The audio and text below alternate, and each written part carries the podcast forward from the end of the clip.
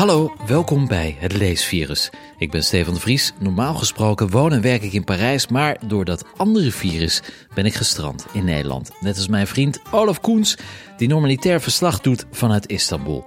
En in deze podcast praat ik samen met hem en een andere vriendin van ons, journalist en eveneens leesfanaat Ronnie Palache, over welke boeken ons beroeren. Want in tijden van corona is alles anders behalve de liefde voor het lezen. Die blijft, althans wat ons betreft, onder elke omstandigheid overeind. En de boeken die we bespreken hoeven nergens aan te voldoen. Behalve dat ze ons hebben geïnspireerd of misschien wel gevormd. En dat we die verhalen willen doorgeven aan jullie, onze luisteraars. In deze podcast praten we dus over de liefde voor boeken, van fictie tot non-fictie, boeketromannetjes, grote klassiekers, kookboeken, gedichten en misschien zelfs wel een enkele gebruiksaanwijzing. Hopelijk steekt dit virus ook jullie aan. Amusez-vous. In deze aflevering praat Olaf over een boek waarin een Fransman vlucht voor verveling. Roniet vertelt over een orthodoxe Joodse New Yorkse die vluchtte uit haar secte. En zelf koos ik een avontuurlijke Amerikaan die zijn leven riskeerde om de perfecte koffieboon te vinden in Jemen. De eerste die ik bel is Olaf Koens, woonachtig in Turkije, maar daar is hij inmiddels weg.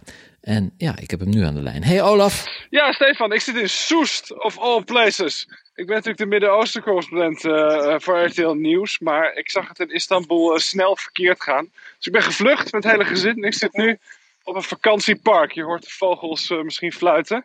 Tijden van crisis, dus dan maar wat dichter bij huis, even. En heb je je koffer met boeken kunnen vullen? Ja, nou, dat was aanvankelijk wel het plan. Dus ik, ik, ik zou inderdaad. Ik, ik, ik, was eerst van plan om een beetje buiten de stad in Istanbul te gaan zitten. Dan had ik een hele koffer vol met boeken mee. Maar ik moest uiteindelijk met een vliegtuig via Izmir naar Zurich, naar Amsterdam. Dat was een helle tocht. Dus ik heb, ik heb maar één boek meegenomen. Uh, aantekeningen uit de ondergrondse van Dostoevsky. Nou, dat is niet echt een vrolijke. Nee. Maar uh, die paste er nog net bij. Oké, en, en iedereen die nu thuis zit uh, vanwege corona, uh, lockdown, moet, moet hij dat boek lezen? Nou, dat zou ik niet doen. Daar word je niet heel vrolijk van. Nee. Um, als ik erover nadenk, uh, zou ik iedereen aanraden, als je de tijd hebt, lees vooral Reis naar het einde van de nacht van Louis Ferdinand Céline. Dat is mijn boek, hè? Heb jij het gelezen? Ja, natuurlijk. Heel lang geleden nog op school. Uh, ja, maar het is een ja, beetje ja. controversieel hè, om Céline te lezen. Daar mag je niet echt hard op zeggen tegenwoordig. Jawel, dat mag je best hardop zeggen. Luister, hij heeft later heeft hij een aantal uh, antisemitische geschriften geschreven. Daar kan je niet omheen, dat is absoluut zo. Uh, maar Reis naar het einde van de nacht was zijn debuut uitgekomen en gelijk bekroond.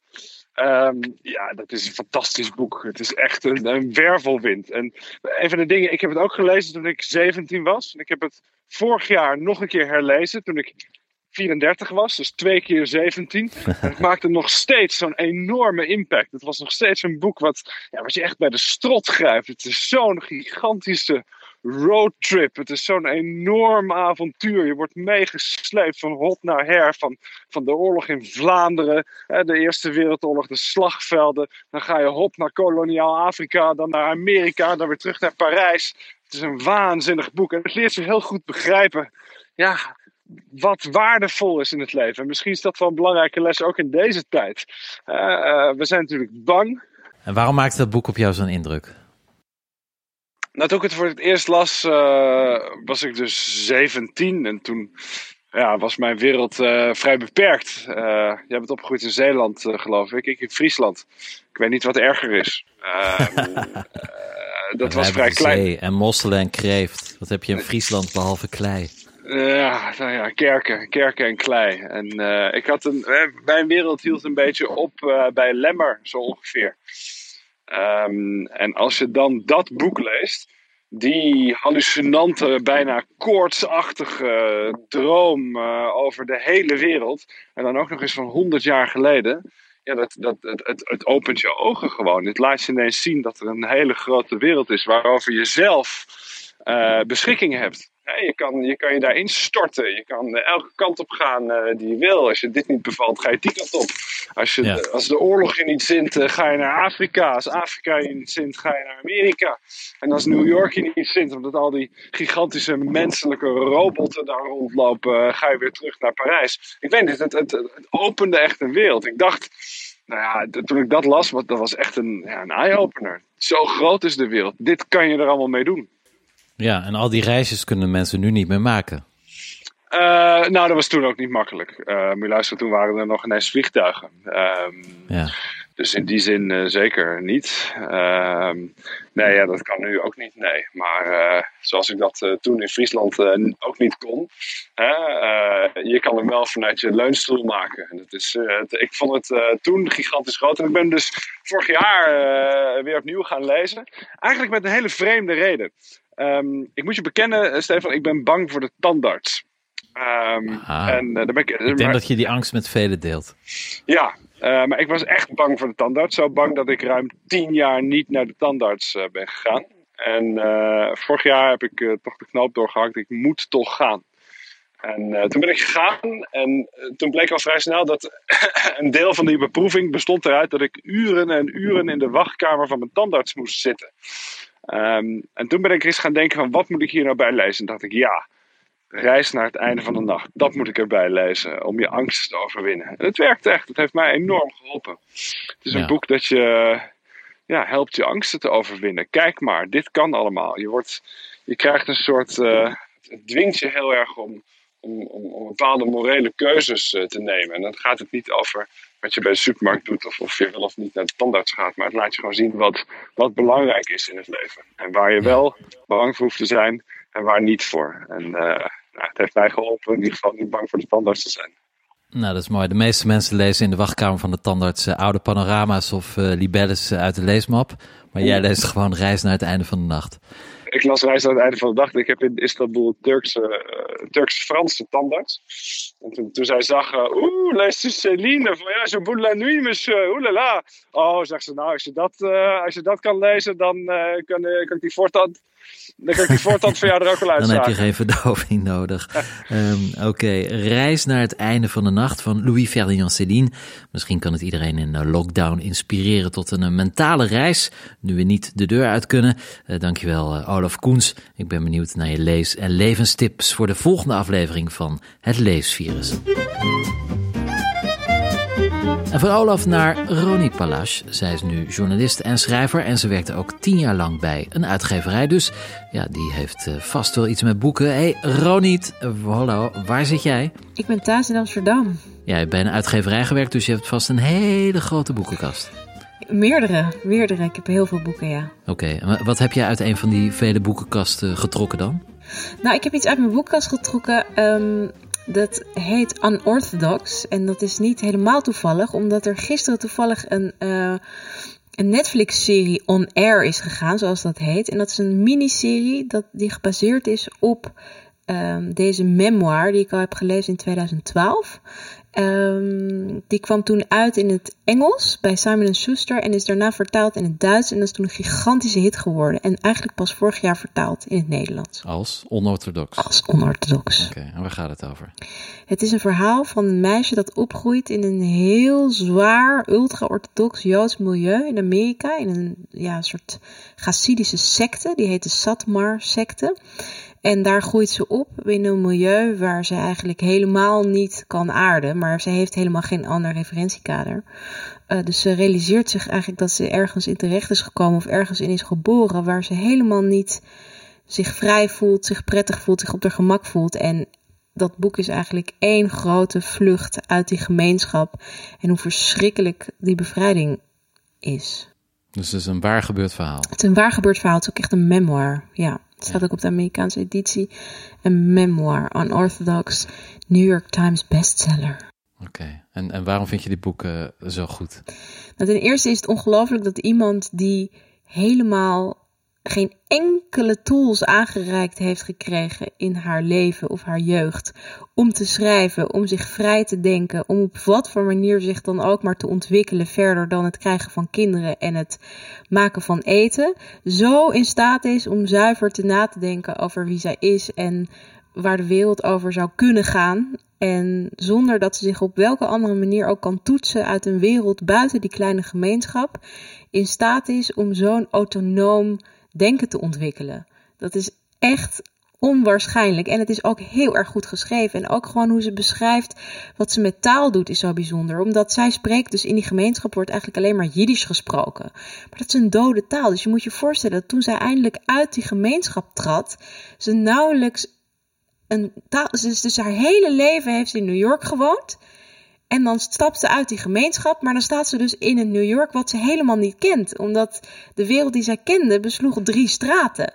En ze vertelt dus dat dat Jiddisch eigenlijk haar niet genoeg woorden gaf, niet genoeg vocabulaire gaf om zichzelf en haar gevoelens, die inmiddels een enorme breedte uh, gingen kennen, te kunnen uiten. En daardoor heeft ze zichzelf ook veel beter Engels aangeleerd. En uh, het is echt een onwaarschijnlijk verhaal. En het boek heeft ze in het Engels geschreven? Het boek heeft ze in het Engels geschreven. wat is er nu met haar gebeurd? Ze is uit die gemeenschap gevlucht? Ja, zo kun je het echt wel noemen. Ze is er inderdaad uit gevlucht, uit een huwelijk gevlucht. Dat zijn natuurlijk allemaal gearrangeerde huwelijken, dus dat gaat niet zo makkelijk. De toorn die daarom staat te wachten is kolossaal. Wat wel uh, zo is, wat wel frappant is, is dat ze in het boek en ook in het echt heeft ze een moeder gehad die zelf ook is uitgetreden. Dus in die zin had ze dat al als ja, enige aanknopingspunt dat er misschien iets anders zou kunnen zijn dan dat kleine wereldje waarin zij opgroeide. Um, maar dat je wordt verstoten van iedereen die je tot je familie behoort, tot de gemeenschap behoort die je kent. Uh, dus dat heeft ze allemaal getrotseerd. Ze heeft haar kind genomen, ze is weggegaan bij haar man.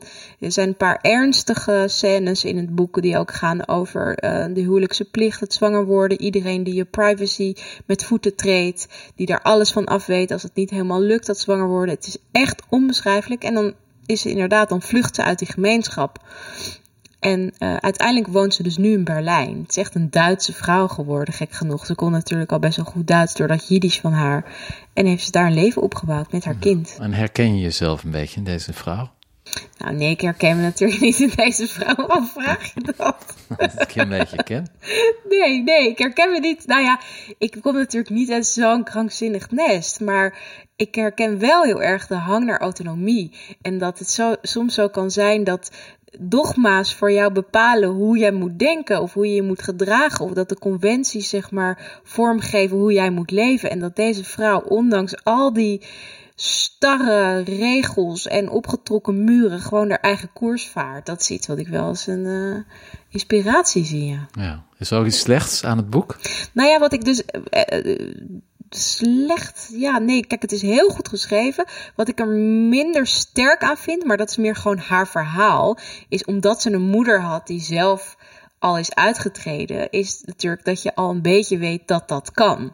dus dat het nog veel moeilijker is, want er zijn talloze gevallen bekend van mensen die eenzelfde poging hebben ondernomen, die er niet zulke mooie memoirs over hebben geschreven, maar toch, die dat ook ondernamen en die helemaal geen voorbeeldfunctie daarin hadden, die gewoon zichzelf uit zo'n gemeente hebben gedacht, zonder überhaupt maar te weten dat er nog iets anders in de wereld bestaat.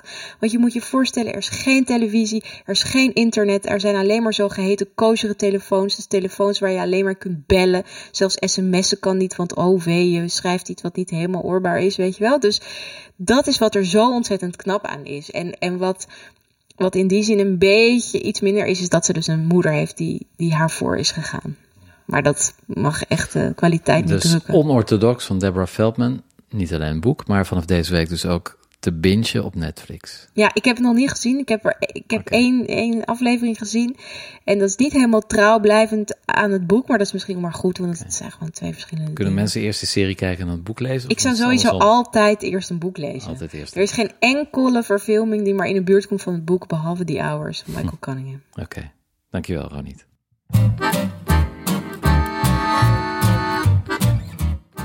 Nu willen we natuurlijk ook weten wat jij voor ons hebt meegenomen, Stefan. Ja, ik uh, heb een boek dat ik eigenlijk al maanden aanraad aan iedereen te lezen. En uh, iedereen vindt het ook een heel leuk boek. Het heet The Monk of Mokka. In het Nederlands verschenen onder de verrassende vertaling De Monnik van Mokka. Maar iedereen vindt dat een leuk boek. Vind ik meestal niet zo goed teken als iedereen het leuk vindt. Ja, maar het, dan ken je mijn vrienden niet goed genoeg. dat is toch wel een redelijk hoog uh, lezerspanel.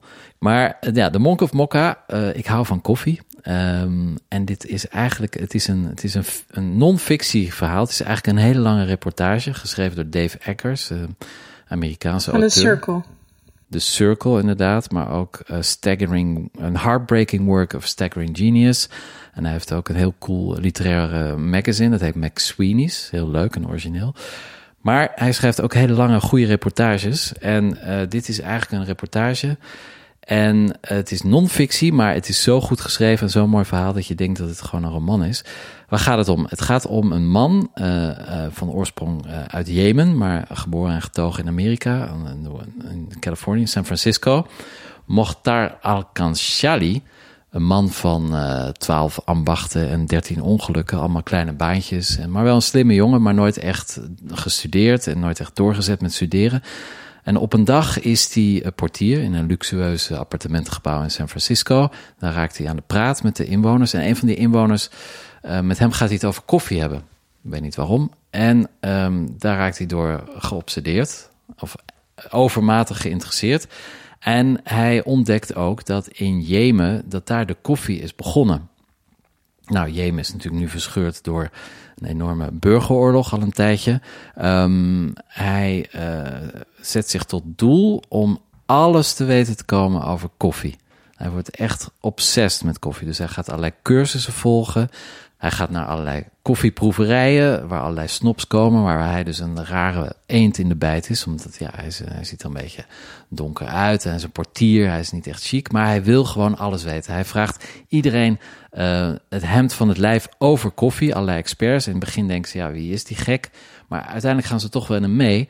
En daardoor wordt hij, krijgt hij heel veel kennis uh, over koffie. En maar dat, hoeveel kun je weten over koffie? Oh, alles. Dus maar wat, stelt hij zich, wat voor vragen stelt hij nou, dan? Over de smaak, over branden, over, over de temperatuur van het water, over de, wanneer je moet oogsten, welke boontjes. Het is echt fascinerend en het is gewoon heel goed geschreven. En dan gaat hij zeggen, ja, uh, ik ben uh, Jemen, ik kom uit Jemen, daar is nu oorlog. En al die koffieplantages liggen allemaal op hun gat. Ze weten niet meer hoe ze koffie moeten maken in Jemen. En ik wil de beste koffie ter wereld maken. Maar hij heeft geen geld. Dus hij bluft zich eigenlijk via via uh, een paar mensen die hij ontmoet op zo'n koffieproeverij. Heeft hij een klein kapitaaltje. Dan gaat hij naar Jemen. Um, en dan uh, ontdekt hij dus dat al die bossen uh, van, want koffie groeit aan bosjes, dat het heel slecht um, onderhouden is. Mensen weten eigenlijk zelf niet meer hoe ze koffie moeten maken. En hij gaat dan met die locals, die hem eerst niet vertrouwen, op zoek naar de, beste koffie ter wereld. En hij, het lukt hem. Uh, maar het is natuurlijk oorlog. Dus hij wordt op een gegeven moment ook gezien als terrorist. Als hij terugvliegt naar Amerika. Want dat is natuurlijk een beetje raar. Iemand uit Jemen die naar Jemen gaat. En nou, kortom, zit hij vast. Moet hij ontsnappen. Echt een James Bond verhaal. Maar het is allemaal waar gebeurd.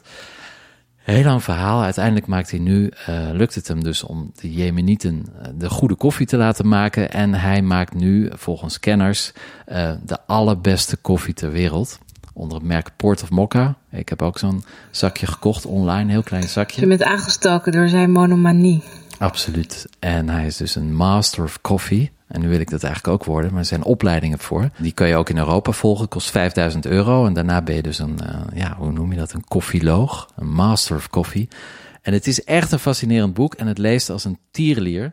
Um, de en dat heb jij nu meegenomen, want ja. jij zit in Amsterdam, toch? Ja, ja, nou toevallig had ik dat bij me om aan iemand cadeau te geven, maar ik dacht ik ga het gewoon opnieuw lezen. Want je bent uh, gestrand hier. Ik ben gestrand, ja. Maar gelukkig uh, kan ik nog wel zelf koffie zetten. Um, maar als het heel lang duurt, dan ga ik dat natuurlijk ook missen. Um, maar ja, dat had ik toevallig bij me. Dus de Monk of Mokka van Dave Eggers, ook in het Nederlands verschenen. Echt een aanrader. Voor iedereen dus die alles wil weten over koffie. Ja. Of monomaan is van aard.